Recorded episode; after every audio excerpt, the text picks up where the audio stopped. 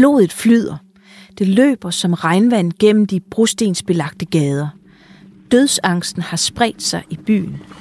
Overalt runger den hjerteskærende lyd af paniske kreaturer. Tusinder af skrækslagende heste. Skarpe korspidser føres ind bag dyrenes skulderblade og gennemborer deres hjerter til de kollapser. Andre falder sammen af hammerslag mod panden. De resterende heste fornemmer det. Skrækken spreder sig. Nogle bryder fri og galopperer forvildet rundt i byens blodige gader, frodende og med vilde øjne.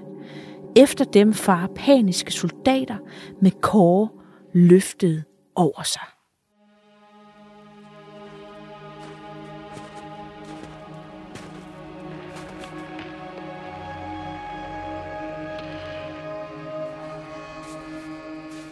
Krig koster penge, mange penge. I flere lande snakkes der i dag om militær oprustning. I Danmark vil man op og bruge 2% af BNP på forsvaret. En stor del af disse penge skal gå til krigsmateriel. Krigsmateriel er dyrebare teknologier og våbensystemer, som også kan gøre gavn i andres hænder. I år der har vi set, hvordan den ukrainske hær har klaret sig bedre end forventet mod Putins invasion. Dels på grund af de mange våben, som resten af verden har sendt til landet, dels ved simpelthen at stjæle russernes materiel. For vi har nok alle set videoen af en John Deere-traktor, som kører væk med en russisk kampvogn. Og sidste år så vi amerikanske soldater ødelægge egne fly og biler, inden de hast forlod Afghanistan. Det samme fænomen har vi set mange gange i Danmarks historie. Og i året 1710 var det en noget anderledes type materiel, det gik ud over. Velkommen til Varbergs Danmarks Historie. Mit navn er Jeanette Varberg. Jeg er museumsinspektør, arkeolog og forfatter. Og i denne podcast vil jeg sammen med nogle af Danmarks dygtigste historikere, arkeologer og eksperter fortælle om de mest fascinerende ting i Danmarks historie, som du skal kende for at forstå det samfund, du lever i i dag. I denne sæson tager dig med til forskellige tidspunkter i historien, hvor krigen rasede herhjemme, og til voldsomme slag og fredsforhandlinger, som på den ene eller anden måde har sat deres blodige aftryk i det danske land og formet det Danmark, vi kender i dag. I dag skal det handle om slaget ved Helsingborg i Sverige i 1710. Det er et slag, som er del af den store nordiske krig, som varede fra 1700 til 1721. Det er sidste gang i historien, at en dansk hær invaderer Sverige. Om det lykkes Danmark at indtage Sverige denne gang, kan du jo gætte på allerede nu. Du skal nok få svar senere. Herudover vil jeg fortælle dig om, hvordan knap 4.000 heste mistede livet efter, at kampene var overstået. Vi skal tale om det, som siden er blevet kaldt for hestemassakren. Og til at hjælpe mig med det, skal jeg tale med dig, Carsten Skjold Petersen. Du er seniorforsker på Nationalmuseet, og så ved du en hel del om 1700-tallets Danmark. Velkommen til. Jo, tak. Jeg sidder her med en selvbiografi skrevet af en Hans Elias von der Weide, som var til stede under slaget ved Helsingborg i Sverige. Hvem er han? Han var en øh, helt almindelig dansk soldat, øh, trods det lidt hollandsk eller tysk klingende navn. Øh, på det her tidspunkt øh, han blevet forfremmet til sergeant, altså underofficer, øh, og han er med i slaget. Og han skriver i sin selvbiografi om året 1709. Den 14. oktober ankom jeg til Helsingør og marcherede med regimentet til København. Den 7. november gik armeen ombord på skibene, som bestod af 18.000 mand. Den 11. sejlede vi ud, og den 12. landede vi ved Råå i Skåne. Hvorfor går den danske her i land ved Skåne her i 1709? Ja, det er jo en lang historie. Øh, øh, krigen bryder, som du selv sagde, ud i år 1700, og der forsøger Danmark så også med et feltog ned i Holsten, øh, som var svensk allieret. Men det går ikke særlig godt, for andre magter tvinger Danmark til at træde ud af krigen. Altså, det ser vi jo også i vores tid, at man fører ikke krig alene. Der er altid nogen, der blander sig udefra. Det skete også her. Men så i 1709, i sommeren 1709, så kommer Danmark med i krigen igen. Og det sker efter, at den svenske her har ført stort feltog over i Rusland, Øh, og der lider de et gigantisk nederlag i begyndelsen af juli måned øh, 1709 over ved en by, der hedder Poltava, hvor der i øvrigt kæmpes øh, i øjeblikket mellem ukrainer og russere. Og der, øh, øh, der går cirka en måned, inden nyheden øh, kommer til København om, at den svenske her er, er, har lidt det her gigantiske nederlag. Det er en lidt anden informationsstrøm, end vi ser i dag Ja, dengang, ikke? Jo, den går langsomt. Øh, Jeg tror nu også, at der er en vis forsinkelse på de ting, vi hører. Øh, Men en, godt en måned, det er, det er lange øh, øh, kommunikationslinjer. Øh, Og så sidder de i København og bliver klar over, at nu har de en enestående historisk chance for en revanche, altså et øh, gengæld og generobre Skåne, Halland og Blekinge. Så det er nu eller aldrig, som man sagde.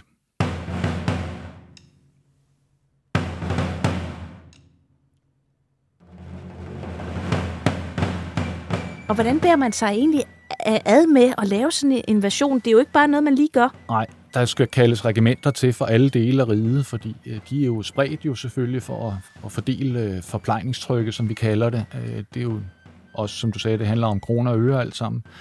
Og de skal men- have noget at spise, og det er dyrt. præcis, Ja, og de skal have et sted at bo alle sammen. Og det er der ikke plads til i København. Så de bor jo, eller garnisoneret, som vi kalder det, indkvarteret rundt omkring i hele riget.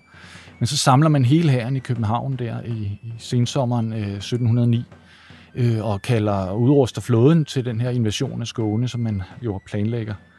Øh, og man samler jo hele 14.000 mand. Nu hørte vi Elias van der Weide sige 18.000, men det er inklusive alle flådens personel, som jo ikke går i land, de bliver ude på skibene. Det er sømændene. Ja, sømændene, om du vil, ikke? Jo. Øh, så man samler den her her på 14.000 mand lige ude for København og sætter dem ombord på alle de her skibe. Og det er jo flere hundrede skibe, man sejler over Øresund med. Øh, Det er jo en regulær invasionsflåde, en armada, om du vil. Øh, og der udvælger man sig et sted, hvor skal man gå i land. Og der er jo ikke sådan havne, som vi kender det i vores tid. Øh, så man landsætter dem simpelthen ved den her landsby, der hedder Råå, som ligger lige syd for Helsingborg. Der er strandene rigtig gode og velegnede til at gå i land på. Okay. Men- øvrigt glimrende badestrand, skulle jeg hilse at sige, hvis man kommer på de kanter. Så, så det, man gør, det er simpelthen, at man, man sejler ud med sine skibe, og så sætter man mindre både med og sejler herren frem, altså ind til stranden, og så tilbage Lige igen. præcis. Altså, man har slæver også nogle øh, fladbundede pramme, men ellers har man jo joller og småbåde i, i hobetal. Og så skib, øh, soldaterne de klatrer ned fra de store skibe, ned ombord på de små joller, og så har man jo sådan 100 af dem liggende, og så roer man land på en gang, hvis nu svenskerne skulle være der. De var nu kloge nok til at have trukket sig tilbage, fordi den her invasionsflåde kunne de slet ikke øh, matche på noget plan. Så de sejler simpelthen ud fra København til Råå. Øh, og det, man sejler jo op og ned langs kysten, og det er jo noget med vind og vejrforhold. Det er jo i sejlskibenes tid, så de er jo dybt afhængige af det her. Øh, og så da man øh, beslutter man sig simpelthen for Råge i sidste øjeblik. Man havde et udvalgt et par mulige landingssteder, men det bliver Råge, hvor man så i løbet af de, for, øh, for, de to døgn får landsat hele den her invasionsherre. Det er en meget imponerende amfibieoperation, vil vi kalde det, med et moderne udtryk. Og hvordan reagerer den svenske her så på den her invasion? Nu, øh, hovedherren var jo gået tabt over i Rusland, som jeg nævnte før, men øh, øh, guvernøren over Skåne, en svensk general, der hed Magnus Stenbock, han er øverst kommanderende for de hjemlige, øh, det hjemlige forsvar. Og han har jo kun tre rytterregimenter til rådighed for hele Skåne, og de kan jo ikke matche de her 14.000 mand. Nej, hvad, hvor stor er et rytterregiment? Ja, men på det her tidspunkt er de 400-500 mand. Det er jo ingenting. Nej, nej, ingenting. Øh, Og det ved han også godt. Øh, Så de stiller sig bare inde i klitterne ud og kigger på, at danskerne kommer, og så rider de væk øh, og trækker sig længere ind i Skåne. Og mens de trækker sig tilbage, så brænder de jo alle broerne over åerne øh, for at forhindre en dansk fremrykning. Det er klassisk. Kla- Meget klassisk øh, militær taktik øh, i dag, så sprænger vi godt nok broerne, vi brænder dem ikke, men, men samme taktik, ja. Og, og egentlig så papiret ser det jo let ud for danskerne, men hvordan går det dem? Jamen, de, øh, efter at være gået i land, så øh, kommer borgmesteren fra Helsingborg ud øh, til Frederik den 4., altså den danske konge, som jo er med i invasionen. Han er simpelthen med. Ja, det er han. Øh, og øh, så siger de, de overrækker kongen byens nøgler og siger, vil vi ikke nok øh, tage os i beskyttelse?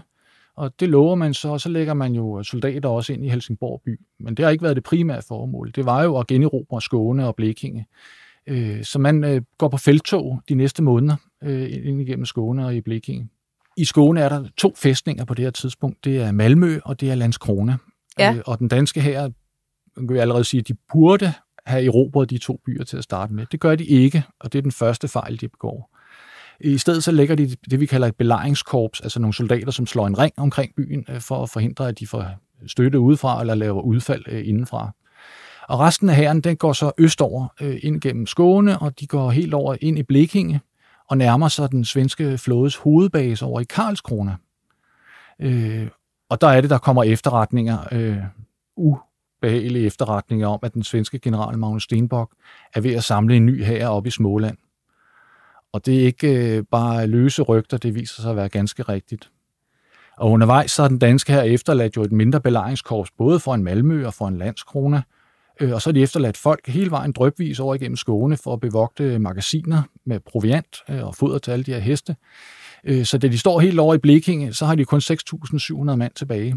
Og nu går der rygter om, at Stenbok står med 10.000 mand lige oppe i Småland, lige inde på den anden side af grænsen. Og hvad så? Ja.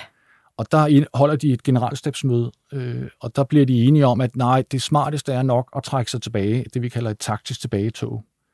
Øh, så den danske her begynder langsomt at, at, trække sig tilbage østpå, altså tilbage øh, ind i Skåne og tilbage øh, op mod Helsingborg.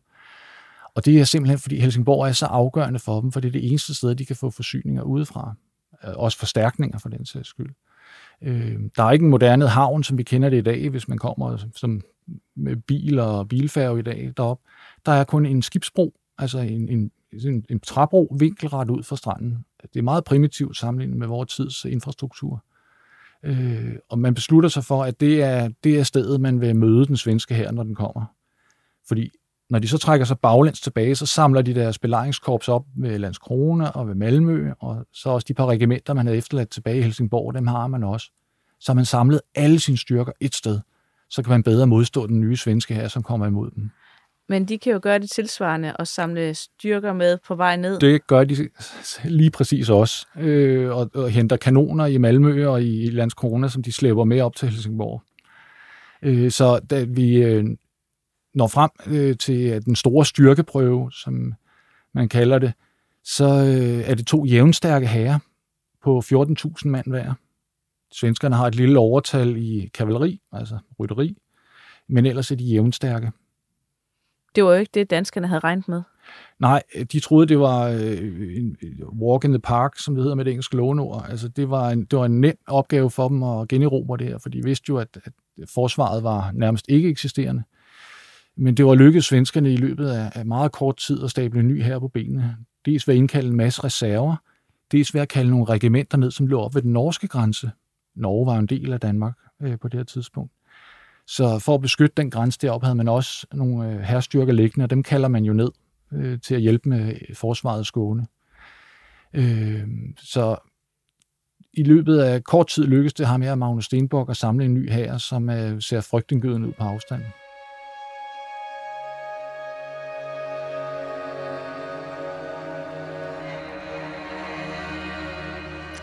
Og så vil jeg jo gerne dykke ned i uh, von der Weide, der beskriver lige præcis det her i sin selvbiografi. Hvordan danskerne og svenskerne mødtes, fordi det kommer de jo til. De kommer til at mødes på slagmarken den 10. marts 1710. Den 10. marts om formiddagen fik vi at vide, at den svenske armé stod klar som en halvmåne i en skov en halv mil fra vores lejr. Den danske armé greb straks til våben og marcherede i god orden imod fjenden. Karsten, kan, vil du ikke lige tage os med ud på slagmarken? Hvordan ser det ud sådan en forårsdag, hvor de står i en halvmåne i 1710? Jo, altså, man vi havde jo efterretninger om, at svenskerne var på vej. Man vidste jo ikke, hvornår de ville komme, eller helt præcis, hvilken retning de ville komme fra. Øh, og den 10. marts der om morgenen, der har det været, øh, i natten forinden har det været slud og småsne, og det har været ned omkring frysepunktet, og det har været forfærdeligt vejr. Øh, og så kommer der lidt lun luft ud fra Kattegat og Øresund ind der tidligere om morgenen. Og når den her varme luft møder den kolde jord, så opstår der tåge. Tæt tåge. Så da de danske generalstabsofficerer, de står der og kigger ud i den tætte tåge, så har de jo selvfølgelig sendt spejder og patruljer ud i togen for at og de vender tilbage en efter en og siger, ja, de har godt nok mødt nogle svenskere, men de ved ikke, om det er bare nogle patruljer fra den anden side, eller om det er den herren, der er på vej. Men de har godt nok på fornemmelse, at nu kommer de. Øh, det er der noget, der tyder på. Og ganske rigtigt, der om formiddagen hen op omkring kl. 9, så begynder togen at lette en anelse. Vi skal forestille os, de her danske officerer, de står med deres kikkerter, og det er jo de lange søkikkerter, man trækker ud, sådan det er jo ikke dem med, med, med to øh, linser. Ja, sådan lidt piratagtigt. Ja, lige præcis. Sådan lidt en søofficer i gamle dage. Øh, så står de og kigger ind i den her tætte tog, og lige pludselig så er det som om, at togen letter sådan bølgene op, og så kan de se ind under den, og se ude på 3 km afstand, at den svenske her kommer myldrende ud af, de her, de her skove deroppe. Forestiller sådan en, en lavastrøm af soldater sådan med deres karakteristiske mørkeblå uniformer, der bare flyder ud af skoven. Fuldstændig lydløst. For svenskerne havde fået ordre om, at de ikke måtte øh, spille på deres trommer og blæse deres fløjter, så de kommer fuldstændig lydløst.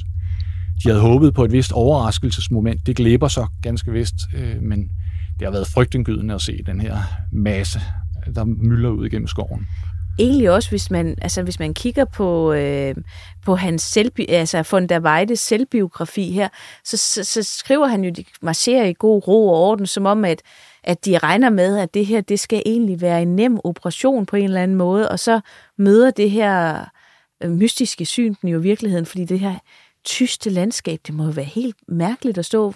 Krig er normalt larm og skrig og alt muligt andet den danske her, jamen de, de lå jo faktisk, de lå ikke inde i Helsingborg by, de lå i en stor teltlejr lige op nord og øst øh, for byen, øh, nogle få hundrede meter ude for byen. Øh, og der havde de om morgenen der sendt jo folk ind til byen for at hente morgenmad øh, til hele styrken. Og så da de får øje på den svenske her derude, så affyrer man øh, tre kanonskud, som er det aftalte signal om, at nu skal herren øh, stilles op i slagorden. Man har aftalt, hvordan man skal møde fjenden, øh, hvis han kommer. Øh, og så lyder de her tre kanonskud, og de der folk, der er inde og hente brød inde i byen, de må jo spæge tilbage alt, hvad de kan. Og sammen med alle de andre og von der Weide, så tager de opstilling i deres nøje anviste pladser i den her slagorden, og står klar til at møde svenskerne, som er på vej. Hvordan går det så for danskerne, har man lyst til at spørge? Ja. Der må smide morgenbrødet, der stiller sig op i rækkerne. Ja, forløbet, altså, i begyndelsen går det ganske godt, øh, må jeg sige, fordi svenskerne de rykker planmæssigt frem, Jeg må jeg sige. De bruger en lille times, godt en times tid på at stille deres tropper op i, i den rigtige orden også. Og Stenbok, den svenske general, han har også siddet på sin hest over i den anden side og kigget ind i sin kikkert og tænkt sådan, at den danske her ser svagest ud over på, på sin højre side. Så han sender en, et større rytterangreb øh, ind over, på, øh, over mod øst, altså ind i Sverige, altså øh, væk fra kysten. Øh, og de, øh, det opdager danskerne også, at de er på vej, alle de her ryttere, at vi taler hundredvis af ryttere, der er på vej. Det er jo ikke strakt galop endnu. Det gør man jo først, når man er meget tæt på fjenden, for ikke at udmatte hestene. Øh, og så danskerne begynder også at dirigere mere kavaleri over på sin højre side der for at stoppe det her svenske angreb. Og de tørner sammen i det ved en klassisk rytterfægtning, altså hvor de hamrer ind i hinanden med i fuld galop med dragende kåre og hugger hinanden ned. Øh, og der øh, lykkedes det, det danske kavaleri at, at overvælde det svenske og, og tvinge dem på flugt. Men Stenbock han henter endnu flere forstærkninger. Han havde øh, nemlig en overvægt af kavaleri i forhold til den danske her. Og de indleder så et modangreb, og kampen bølger frem og tilbage, og danskerne tror egentlig, de har overtaget på det her tidspunkt. Det har de ikke, for nu begynder det at gå galt. Øh, og i mellemtiden, så inde på midten af slagmarken, der går infanteriet frem i to rækker mod hinanden, det er fodfolk, ja, altså soldater. Ja, ja, lige præcis. Og hvad, det, hvad har de egentlig med af våben? Jamen, de er bevæbnet med musketten af deres hovedvåben, og det er sådan en, en forlader musket øh, med flintelås, øh, og det, det er et enkeltskudsvåben. Øh, og så er der en bajonet ude på spidsen, kan man sætte på. Og så hvis det virkelig kommer til nærkamp, øh, så har de også en sabel øh, og gør godt med en kåre. Øh, og det svenske infanteri, danskerne bliver, står jo i, i det, vi i militærtaktik kalder high ground øh, på nudansk. Øh, de står i en fordelagtig terrænmæssig position, øh, øh, og svenskerne de skal faktisk angribe op ad bakken. Øh, og igennem øh, den der lavning nede i bunden af det her en, en egentlig dal er det ikke, men du ved, en lavning i terrænet, hvor der er sådan øh, frosne engdrag med, med nogle vandhuller og nogle åer, der løber ned i bunden. Øh, og svenskerne, de klør bare på og går i langsom march frem mod de danske linjer. Øh, og lige som de skal til at tørne sammen, altså de er, nu er de tæt på hinanden, altså hvor man så begynder at, at plaffe løs på hinanden med, med alle de her musketter, så er det danske kavaleri ude på højre fløj, de er kollapset og blevet trængt øh, i defensiven, og de flygter i fuld galop tilbage mod Helsingborg og bliver trængt tilbage af svenskerne. Og der står infanteriet i en minde og begynder at skyde på hinanden. Og så er der nogle af dem, der kigger sig over højre skulder og siger, hov, der røg det danske kavaleri ud som vores, vores flankesikring. Så er den ene flanke væk. Yep. Og det er det, ikke godt. Det, I princippet betyder det, at det svenske kavaleri, at de kan så ride på tværs af de danske linjer, altså på langs, undskyld, øh, ja. af de danske linjer. Og, og vil også bagom. Ja, og bagom også, øh, så de risikerer altså virkelig at, at ride ned igennem rækkerne og hugge dem alle sammen ned. Og det er det værste, man frygter som, øh, som i sådan en militær konfrontation på det her tidspunkt. Det er et rytterangreb fra siden, for der er man stort set forsvarsløs. Der bliver man reddet ned, simpelthen. Ja, ja, øh, trumlet ned øh, og hugget ned. Øh, og der er altså nogle af de her soldater, der får øje på det her, og det er dronningens livregiment, øh, som er de første, øh, der begynder at løbe for ikke at blive afskåret retrætemuligheden, altså flugtmuligheden tilbage til Helsingborg by. Øh, og forestil dig sådan, at du ved, sådan, der er, først er der lige en, der løber, og så løber han ved siden af, og i løbet af få minutter, så er hele dronningens livregiment i vild flugt tilbage. Øh, og de trækker så naboregimentet med sig, og nu begynder så de danske linjer at, at falde fra hinanden jo. Øh, og de danske officerer, de gør jo selvfølgelig alt, hvad de kan for at stoppe folkene i at løbe tilbage, og, og det er både med det gode og det onde.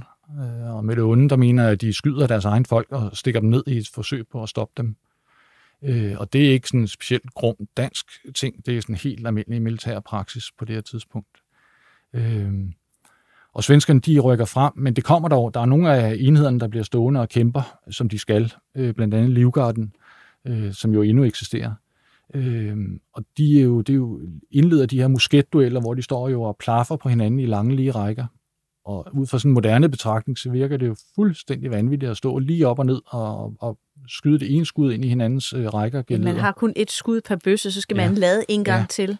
Men derfor så er de også opstillet i flere geleder, altså i flere rækker, ja. så de skyder på skift, så man kan opretholde sådan en rullende ild. Altså, som, hvis der det bliver virker. Hele tiden, hvis det virker, ja. Og det kræver jo dels, at man er meget veltrænet øh, og meget disciplineret. Øh, og ikke løber. Og ikke løber, lige præcis. Men hvad, hvad sker der så med livgarden, der bliver tilbage? Dem, der egentlig gør, som de skal? Ja, de redder jo så af de andres flugt, kan man sige. Øh, til gengæld så bliver de stort set udslettet selv i forsøget på at redde de andre. Øh, standhaftige står de, øh, og bliver stort set nedkæmpet.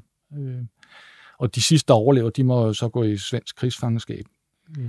Men det, det, det, det er meget blodigt på det her tidspunkt. Øh, du har næsten sagt det, men hvad bliver udfaldet af det her slag? Du skal lige have en lille sidehistorie, fordi ja. vi, vi kender de svenske reglementer for, hvordan de skulle kæmpe, og der står simpelthen utryggeligt, at de skal ind på 15-20 meters afstand, før de skyder det første skud. Altså så tæt på er de, og så brager den første salve, og den anden, og så er det i princippet, de løber på hinanden med de blanke våben. Og de blanke våben, det er jo så dels bajonetten og, og dels øh, korn. Og der må du forestille dig, at de, de tordner løs på hinanden, altså løber ind i hinanden og begynder at hugge og stikke og fægtekampe, ligesom man ellers tror, at hører en, en forgangen tid på det her tidspunkt. Øh, Hvorfor så det bliver de meget det? blodigt. Jamen, de havde øh, udviklet det her til perfektion, øh, og Sverige var jo, kan jeg godt sige, uden at fornærme nogen i dag, var en meget krigerisk nation på det her tidspunkt. det var også derfor, de havde erobret Skåne, Halland og Blekinge nede i 1600-tallet. Så vores ambition var jo, eller Danmarks ambition var at generobre dem. Øh, men og svenskerne havde ikke bare mulet øh, Danmark, men også Rusland af flere omgange, og, og Polen og Sachsen. Øh, så de var jo, havde fået opbygget en, en, en krigsmaskine, kan vi kalde det med et moderne udtryk, øh, som var uovertruffen, øh, velsmurt og velfungerende. Stadigvæk, altså fordi når man kommer hen, hvor man får, får, får skydevåben, der er lidt mere effektiv, så holder den taktik jo ikke længere. Nej, nej, det er klart. Altså når vi kommer op i, i nyere tid, hvor vi får andre typer af våben, så, så handler det ikke så meget om, øh, eller, lad os prøve at vente om og sige, jamen hvorfor var det, de stod i række og galede? Og det er simpelthen, fordi våbnene er så dårlige, Øh, og fordi det er så, sådan en musket, gammeldags musket der, den skyder langsomt, den skyder ikke særlig langt, og den skyder ikke særlig præcist. Så for at kompensere for de der våbnenes dårlige virkning, så afgiver man salvil, altså hvor hele rækker af soldater skyder samtidig. For det kan godt være, at man ved, at der er ikke nogen af dem, der kan ramme med sigtet skydning, men så plaster de sådan hele horisonten til med bly, og så skal, de nok, øh, så skal det nok virke i princippet. Men der havde svenskerne altså fundet en metode, som var mere effektiv end det? Tydeligvis.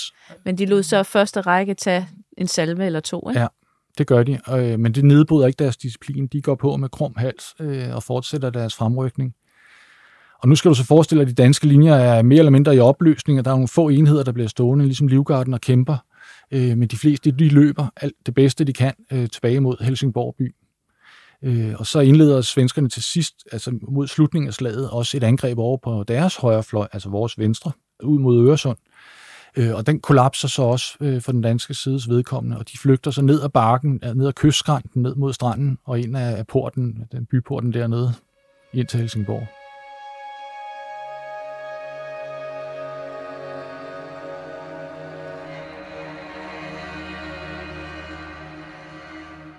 Ja, og så har vi faktisk igen von der Weide, der beskriver, hvad der sker inden for Helsingborgs mure.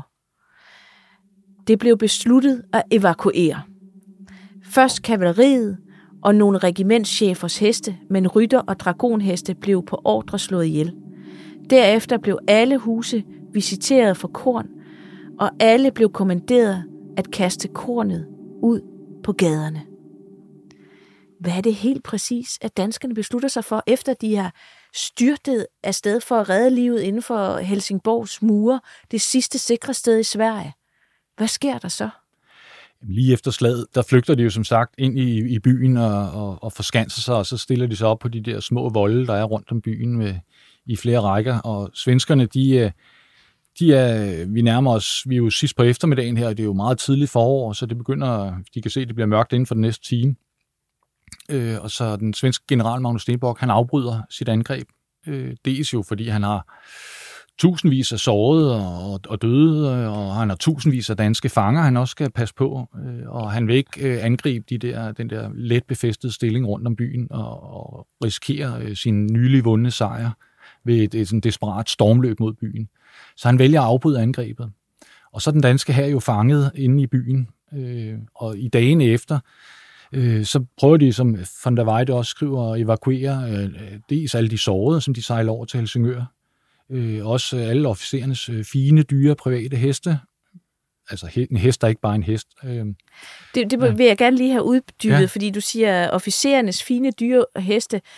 Er det noget, de selv, altså hvordan virker det militære system? Stiller de selv med deres heste? Ja, officererne køber og ejer selv deres heste, i modsætning til mandskabet, som får dem udleveret af herren. Øh, og som jeg sagde, så er en hest ikke bare en hest, altså ligesom en bil ikke bare en bil. Der er pokkers til forskel fra en 2CV og så en, en Tesla. Øh, og sådan er det altså også med heste. Øh, og heste blev handlet til, til 100 ristaler eller mere. Øh, hvor sådan en almindelig bondehest, som de menige soldater red på, den har du kunne få for en håndfuld skilling. Altså, det er, der, er, der er kæmpe prisforskel og kvalitetsforskel på heste. Så, så alle de her dyre private heste, de bliver evakueret. Øh, men så sidder man inde i Helsingborg by og siger, hvad skal vi nu gøre? Øh, og så sender man, øh, man tør ikke træffe en beslutning uden at spørge kongen til råds hjemme i København. Jeg skal måske lige fortælle, at kongen var med, da de invaderede Skåne i året, efteråret før. Da det gik godt? Ja, men der, han, han er jo taget hjem øh, for længst, øh, selvfølgelig, øh, og sidder i København. Øh, så man sender en hurtigsejlende lille båd til København for at spørge kongen, øh, at dels for at fortælle, at det er gået galt. Øh, det, det er jo ikke så godt. Øh, men hvad skal de gøre nu? Skal de prøve at beholde og forsvare Helsingborg by, eller skal de evakuere den? Øh, og kongen han øh, giver grønt lys til, at de må evakuere, når de får muligheden. Det er jo klart, at sådan en evaku- evakuering, der er man altid meget, meget sårbar, fordi du skal ligesom i princippet vende ryggen til fjenden og, og flygte og ned og kravle nogle både, og hvad har vi. Øh, så der er du meget, meget sårbar. Øh, så de, øh, de sidder og venter et par dage øh, på at, at planlægge den her evakuering. Øh, og under den her evakuering, der øh, går det tydeligvis, eller det går op for dem, at de ikke kan få alle de her mange heste med. Hvor langt, altså de skal jo have, have dem ud af Helsingborg, og så over i nogle skibe, og så, men Øresund er jo ikke så bredt. Altså man kan, man kan jo sejle på gange frem og tilbage. Så, så det, det virker egentlig for mig, altså nu kender jeg jo ikke til det her, som, som at det burde da egentlig være nemt nok. Ja, hesten er et stort dyr, øh, og vi har jo ikke sådan øh, moderne øh, lang, hvad hedder det, laderamper og sådan noget smarte, avancerede ting og kraner og sådan noget. Altså hesten skal jo trækkes ud for enden af den der skibsbro, som vi talte om før, som ligger vinkelret ud på stranden. og så skal de jo sejle en, en eller anden båd af en vis størrelse ind, og så skal hesten klatre ned i den der, og få sådan en, en hest, der er bange for vand og bange for både, til at klatre ned i sådan en båd ikke bare lige, og så kan de stå og, slå den bag i, eller et eller andet, for at få den til at kravle ombord. Men det er altså det er virkelig vanskeligt. Det er jo ikke sådan, at du kan forestille dig, at de løber sådan øh, landgangspram op på stranden, og så kan hestene bare gå ombord. Altså, det, så enkelt er det ikke. Og vi taler jo tusindvis af heste oven i købet. Ja. Nå, det, det korte og det lange er, at det står øh, lysende klart for den øh, danske kommandant eller chef øh, for foretagendet, at de ikke kan få her heste med. Og det rejser det store spørgsmål. Skal vi overlade de her heste til svenskerne? Eller hvad gør man ja, så? Hvad gør man så? Præcis.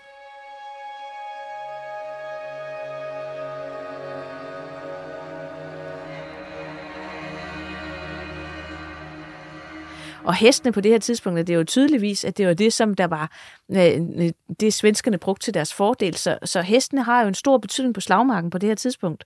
Dels repræsenterer den en værdi i kroner og øre, eller øh, ristaler og skilling øh, på det her tidspunkt, øh, men så repræsenterer den også en stor militær øh, teknisk øh, kapacitet. Øh, og man vidste jo, at hvis man efterlod de her flere tusind, og, og det er jo heste, der har været igennem flere måneders feltog, det vil sige, de er jo ret veltrænet på det her tidspunkt. Øh, hvis man overlod dem til svenskerne, så kunne man være stensikker på, at de ville blive vendt mod en selv på et eller andet tidspunkt. Så hvad ender man med at gøre? Ja, øh, den, øh, den danske øverstkommanderende, han giver ordre simpelthen til at slå alle hestene ned. Dem, der ikke er evakueret på det her tidspunkt. Og når du siger slå ned, så ja, mener du? At slå ihjel. Øh, og det er en begivenhed, som øh, sidenhen er blevet kendt som hestemassakren i Helsingborg. Øh, og når man læser de danske kilder, så er den stort set ikke nævnt med et ord. Øh, og det der er en grund til, det var, at de var flove over episoden, og de var, det var ikke noget, de var stolte af.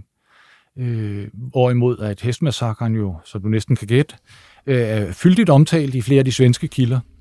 Øh, og de indleder det her øh, nedslagning af heste, og du skal forestille dig, at når du er inden for, inden for byen der, der har været heste overalt. Altså ikke bare rytteriets øh, rideheste, men også alle øh, trækhestene. Øh, når sådan her var på feltog, og det har de jo været i månedsvis, så er det jo hundreder og hundreder af vogne, som skal trækkes af heste med proviant og krudt og kugler, og hvad har vi? Det er jo lige så langt øh, som selve Ja, og alle deres kanoner skal også trækkes, øh, så de har jo sindssygt mange øh, trækheste oven i de egentlige rideheste. Øh, og de har stået inde i byen, øh, og nede på stranden, og oven for skrænten, og nede for skrænten, og nede på byens torv, og for at få plads til dem, så er de simpelthen slæbt dem ind i husene, og så stallet dem op. Øh, det er jo et kæmpe rod, som danskerne laver i Helsingborg. Fuldstændig.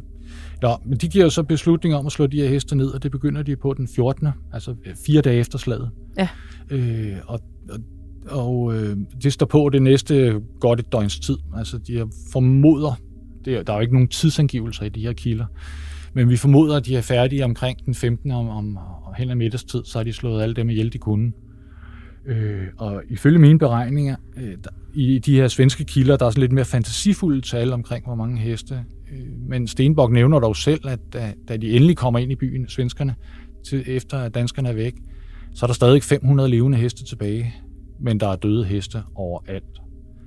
Øh, og de, øh, du skal forestille dig jo, at de her heste, de er, når du går ned ad sådan en gade i Helsingborg by, så er der været tæt med heste på begge sider. Og formentlig så har det været sådan, at, øh, at de enkelte soldater er blevet kommanderet af deres, deres egne chefer til at sige, I, I slår alle hestene ihjel over på den side, og andet kompani, I tager alle dem over på højre side af vejen, og sådan noget, du ved. Og så er de gået ned igennem og stukket alle de her heste ned, og nogle er også blevet skudt, og andre er blevet slået for panden med, en, med noget tungt, en hammer eller et eller andet. Øh, og det, det er jo timer og timer og timer, det her slagteri står på. Og, og hestene, de opfatter vel også, at der er noget galt? Ja, men altså som de fleste, altså, alle dyr kan jo have sådan en instinktiv fornemmelse for fare, og når de begynder at kunne se øh, de andre heste blive slået ned, altså de er jo heller ikke blinde, øh, og de kan høre dem, og de kan lugte blodet frem for alt, så opstår der jo panik, øh, og det er formentlig også derfor, der er 500 heste, der overlever. Det er heste, der har revet sig løs og har løbet forvilet rundt på stranden og på skrænterne der, øh, som er undsluppet nedslagningen. Hvad har det af økonomiske konsekvenser for danskerne, at, øh, at de skal slå deres egen heste ihjel? Jamen, altså, jeg, jeg, jeg, ikke engang, jeg har ikke præcise øh, oplysninger om, hvad heste kostede, men vi taler jo samlet i, i penge, er det jo tusinder og tusinder af ristaler, øh, der går tabt her. Øh, og det, faktisk så er det jo ikke kun hestene, de slår ihjel. I, under feltoget havde de opmagasineret store, svære mængder af krudt og korn og tørrede ærter og salt og hvad har vi, altså inde i Helsingborg. Store magasiner. Det kan de heller ikke evakuere. Så for at svenskerne heller ikke skal få det, så ødelægger de også alle forsyningerne. Forestil dig sådan et kornloft, hvor de slår lurerne op deroppe på anden sal, og så står de og skovler korn ud øh, ned på gaden. Kornsække bliver slæbt ud af magasiner og sprættet op og slæbt hen ad gaden, og store tønder med tørrede ærter bliver slået i bunden ud på og ruller hen ad gaden. Så det er jo flyt altså med, med, med forsyninger i ankeldybt øh, på gaderne, ud over alt det her hesteblod. Altså, det har været et frygteligt skue. Ja, og alle sadlerne sprætter de op med deres knive og sådan noget for svenskerne og skærer tømmerne over, du ved, altså alt det her seletøj til hesten øh, ødelægger de også, for at svenskerne ikke skal få glæde af det. Kæmpe, kæmpe ressourcespil. Ja, men det er helt vanvittigt, og specielt jo i, i det, vi kalder det tidlige, altså det førindustrielle samfund, hvor at man ikke bare lige har en stor industri, der kan producere noget nyt og, og opdrætte og afle øh, så mange heste igen og, og genskabe det her øh, tab. Det er en kæmpe udfordring efterfølgende også for den danske her. Og hvordan, altså jeg kan ikke lade være med at tænke på de, de øh, mænd, der gør det her, hvordan det påvirker dem følelsesmæssigt, for de må jo på en eller anden måde selv gå fuldstændig imod alt, hvad de har lært nogensinde. Ja. Altså, vi ved jo, at øh, som hovedregel siger man, at, at, at folk dengang, de havde ikke det samme sådan, øh, forhold til dyr, som vi har i dag, altså hvor vi øh, hvor har kæledyr og den slags. Øh, det var jo kun den absolute overklasse, der havde egentlig kæledyr. For de almindelige mennesker, der var dyr bare en brugsgenstand i princippet. Men når du har siddet på din egen hest og stået og strilet den hver aften og har reddet rundt på den i tre måneder, så jeg er fuldstændig overbevist om, at de har fået et personligt forhold til deres hest, alle de her ryttere. Og nu kommer den. Rytterne havde man evakueret, for den kunne man ikke bruge til at forsvare byen, så de var blevet sejlet over. Så det er ikke de soldater, der slår hestene ihjel. De slår ikke deres egen heste ihjel. Man bruger fodfolket til at slå rytteriets heste ihjel. Så de har ikke haft noget personligt forhold til hestene. Men alligevel, at gå der og stikke de der store dyr ned, det må have gjort ondt på dem. Altså, jeg, jeg, jeg har svært ved at tro andet. Og det er også et forfærdeligt svineri at ja. gå i, i blod til anklerne og, og bare se det der spild. Jamen, øh, du, der, der har du haft fat i noget der, fordi øh, vi er jo i en tid, hvor at, at, at, at religiøsiteten stadigvæk var, var meget dominerende. Og det der med at ødelægge Guds gaver på den måde i et knaphedssamfund, som havde svært ved at skaffe dagen af vejen normalt, øh, det må have været en frygtelig oplevelse for dem, og forekommet fuldstændig bizart og vanvittigt.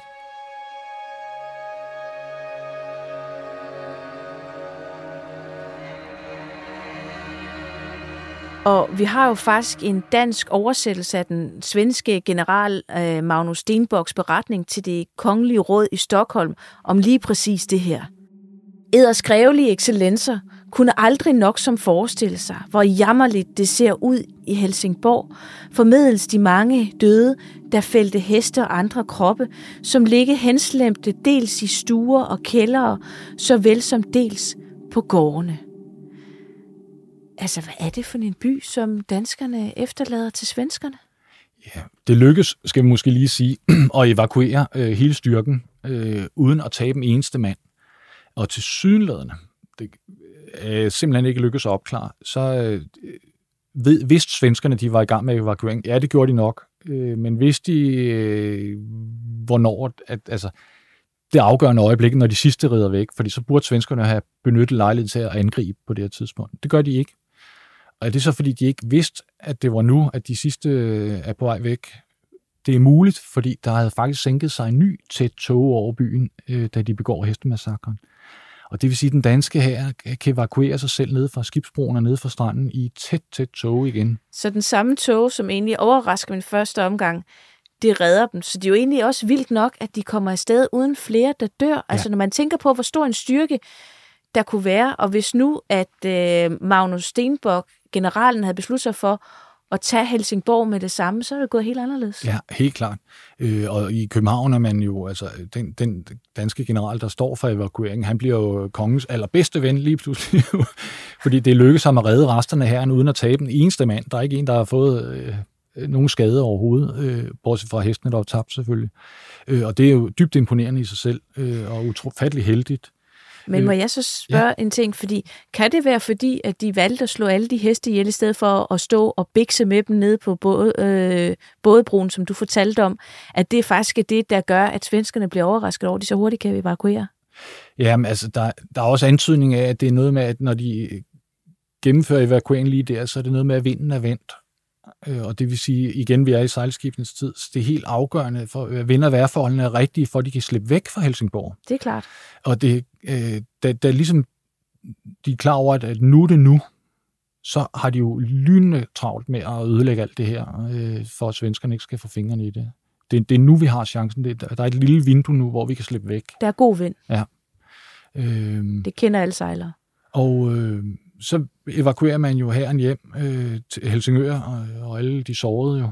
Øh, så der har også været et, et jeg har set frygtelig ud af Helsingør også, for den sags skyld, med, med en slagen her, der er kommet hjem. Øh, øh, og kongen, han sidder nede i København og bliver desperat, øh, du ved, fordi hans store, flotte, dyre her, som han havde investeret jo milliarder af kroner i vores tids penge i, altså den er jo ødelagt. Det er det. Men altså den, den by, som Helsingborg, som, som den svenske her går ind i, hvordan ser den ud? Ja, svenskerne kommer så ind den næste morgen, øh, og Stenbok skrev, som du citerede før, hjem til, til Stockholm om, hvad det er, han har oplevet. Der er andre, der skriver om det også, hvordan de kommer ind i byen og vader i ankeldybt øh, korn og, og forsyninger og krudtrester, og, ja, og der er døde heste overalt.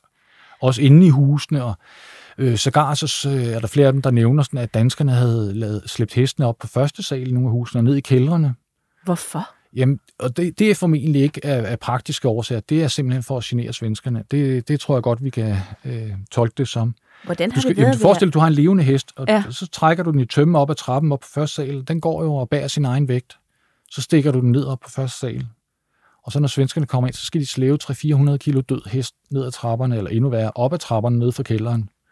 Jamen, jeg kommer Der bare til at tænke rygter på, om, at de har smidt dem i brøndene i byen. Så det bliver forgiftet. Ja. Hvor er de civile? Jamen, øh, byens egen indbygger var jo flygtet inden slaget. Øh, Okay. Øh, og det er også ret normal praksis, øh, ligesom det i princippet er i dag, bortset fra at herrer, de rykker så hurtigt i dag, så øh, de civile indbyggere mange gange ikke når at komme væk. Og så har, oplever man også jævnligt, at, øh, at de forsvarende tropper forhindrer, at de slipper væk, øh, og bruger dem aktivt som skjold. Øh, det er der nu ikke noget, der tyder på her i Helsingborg. Der havde byens indbyggere, eller langt, langt, langt de fleste, forladt byen længe inden slaget. Så det var simpelthen, de sviner en spøgelsesby ja. Ja. til med hestelig. Øh, og øh, svenskerne og Magnus Stenborg har et kæmpe problem med det her, da de rykker ind, fordi der skal jo ryddes op. Ja, hvad gør de ved 4.000 hestelig? Ja, øh, og de, øh, nu er det jo godt nok i den lidt kølige årstid, det er, det er jo køligt forår det her, øh, så de rådner ikke så hurtigt, men alligevel. Øh, Stenbock han opløser sin her og sender dem hjem til deres egne garnisoner, øh, fordi hele egnen er udtømt jo. Øh, øh, så han efterlader et øh, fuldt regiment på godt 1000 mand inde i byen, og, og de får så ordre om at rydde op. Men der har han gjort regning uden vært, fordi hans egne soldater vil ikke deltage i det arbejde. Det der med at røre døde heste, det blev betragtet som urent på det her tidspunkt. Øh, og øh, sådan, ud fra den gamle testamentlige forestilling om, at at røre ved døde øh, øh, hovdyr, altså heste, øh, det, det var, så blev man uærlig og uren. Øh, så alle soldaterne, de nægter pure at røre ved de her døde heste. Hvem gør det så? Jamen, så har man jo byens natmand, og man kalder de der, og som også, i øvrigt også blev betragtet som uærlige, som stod for renovationen og bortskaffelse af, af døde kreaturer. Øh, dem havde man i alle byer. Det har man også haft i både Helsingør og København og i alle danske byer. Øh, og dem sætter man så til det sammen med øh, de der, øh, hvad skal vi kalde dem, øh, regimentsgevaldige og stokkeknægte ved regimenterne, dem der stod for afstraffelsen, som også blev betragtet som uærlige.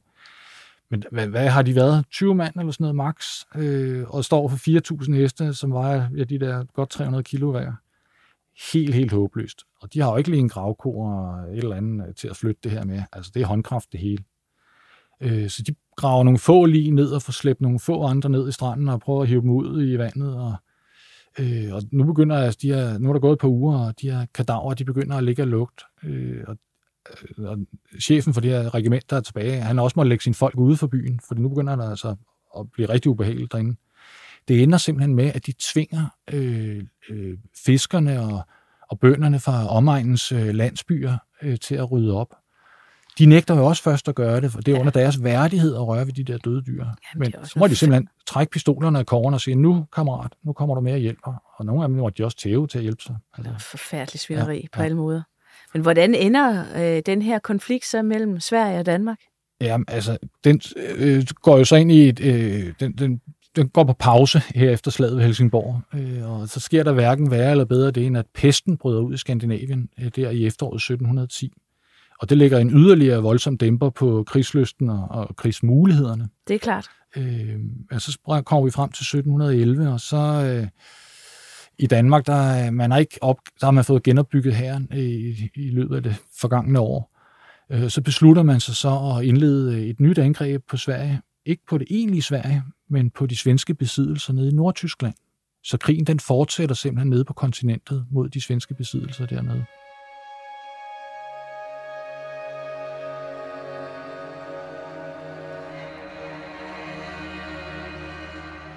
hvordan ser matematikken efter ud? Altså, er kongen tilfreds med sin mænd? Nej, øh, det, gør, det var han absolut ikke. Øh, han sidder faktisk hjemme i København, og først så har han jo slået med vantro og, og lamslåelse over, at hans store fine her er ødelagt og revet op. Øh, og så bliver han jo selvfølgelig skuffet, og så bliver han vred. Øh, så han skriver ud til de overlevende generalstabsofficerer og spørger dem, hvad fanden har I lavet?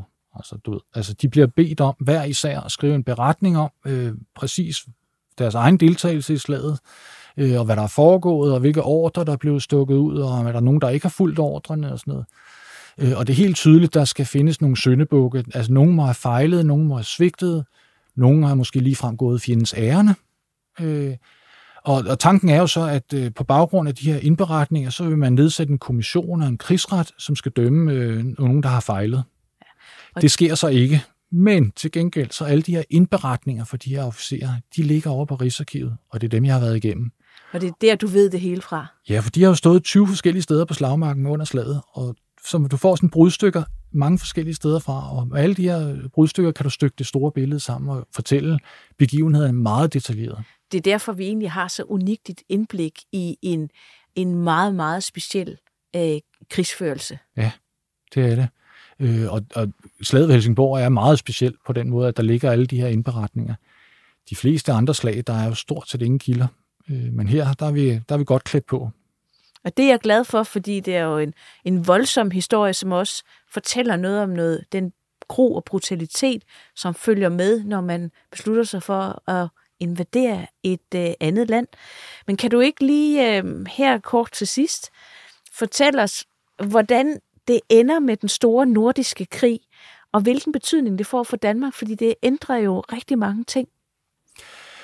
Krigen fortsætter som sagt øh, nede i Nordtyskland, øh, hvor Sverige også havde erobret en masse landområder. Det var ikke bare Skåne, Halland og Blekinge, de havde erobret ned i 1600-tallet. Nej, de havde også erobret en masse ned i Tyskland.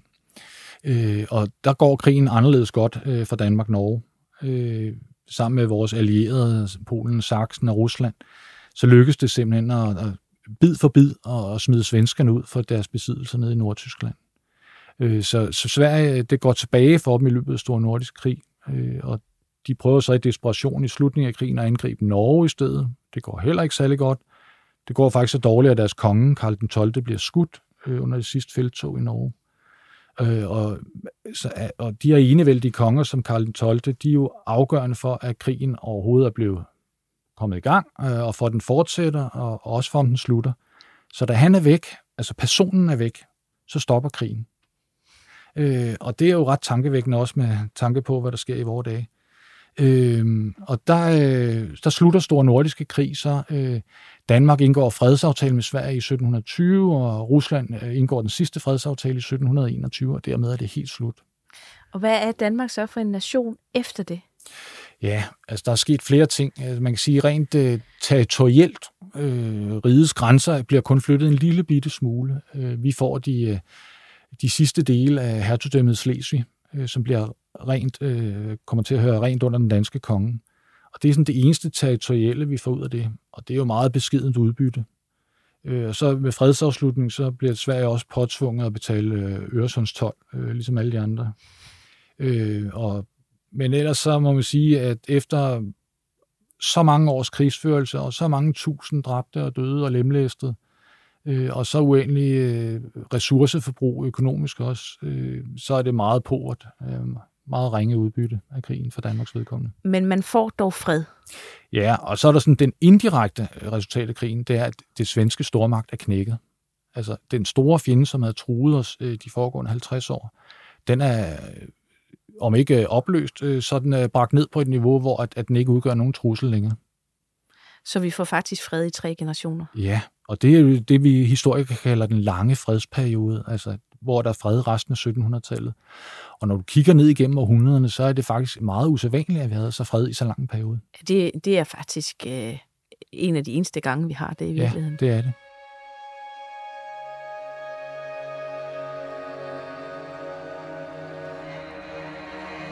Er der noget, vi kan lære af den her ret frygtelige historie i dag? Øh, betaler krig sig, eller betaler den sig ikke? Det er jo det store spørgsmål, og man kan sige, øh, det betalte sig på den måde, at, at Sveriges stormagtsstrømme blev knækket, og at Sverige som, som øh, ekspansiv stormagt blev stoppet. Så måske kunne det betale sig. Det ved vi jo ikke. Så er vi ude i den kontrafaktiske historieskrivning. Øh, hvad nu hvis, og alt det her. Ja. Der er dyrebare ressourcer, der går tabt, og man skal tage nogle alvorlige beslutninger undervejs, som, som egentlig ikke er, er helte beslutninger, tænker jeg. Altså, fordi man har jo det der med, at man gerne vil sætte helte op, øh, men det er jo, øh, der er jo ikke noget heldegærning af at slagte 4.000 heste for at komme væk med skin på næsen, vel? Nej, øh, tværtimod. Øh, øh hele officerstanden øh, havde et meget veludviklet æres- og standsbegreb, øh, så, og det er også en af grundene til, at hestmassakren ikke er nævnt i de danske kilder. Det var noget, man gerne ville lægge låg på, eller fare ind under gulvtæppet, så vi siger. Det var noget, man ikke var stolt af. Nej, det stod jo, stod, der var øh, øh, nogle svensker, der så huskede os på det, ikke? Jo, jo. Man kan jo sige, sammenlignet med i dag, når man, når man kigger, så, så noget øh, af det, vi kan se i krigen, der er i Europa lige nu, mellem Ukraine og Rusland, at det Ukraine gerne vil have, det er krigsmateriel. Og, øh, og på den måde kan man jo se, hvor vigtigt det stadigvæk er. Nu sender vi jo ikke heste til dem. Nej, øh, nu er det en anden type øh, materiel, som er i høj kurs. Øh, væsentligt mere dødbringende, væsentligt mere effektivt, øh, men også væsentligt dyrere.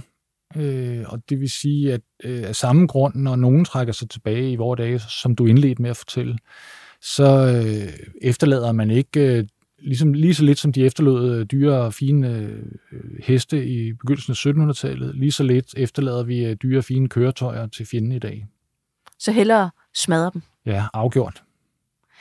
Tusind tak, fordi at du kom her i studiet i dag for at gøre mig og lytterne klogere på den her, det her glemte slag i Danmarks historien. Jeg skal være ærlig og sige, at jeg kendte det faktisk ikke. Øhm, og, og for mig har det været øh, virkelig en, en, en brutal gennemgang af de konsekvenser, det har, når man går i krig.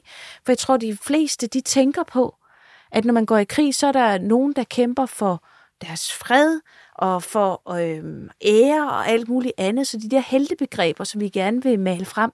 Men når man tager den fine, tynde fernis af, at øh, heltegerningerne er krigen, så er den barsk, den er brutal, og den er decideret ulækker.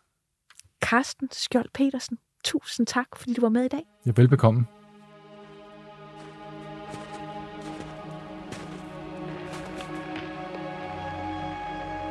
Mit navn er Jeanette Warberg, og du har lyttet til Warbergs Danmarks Historie. Produceret af Jul og Brunse for Vores Tid og 24-7. Tilrettelagt og produceret af Luna Lam og Nikolaj Sørensen. Redaktør er Lukas Francis Klaver. En særlig tak til Carsten Skjold Petersen. Find podcasten på 247.dk, vorestid.dk eller der, hvor du normalt finder dine podcasts.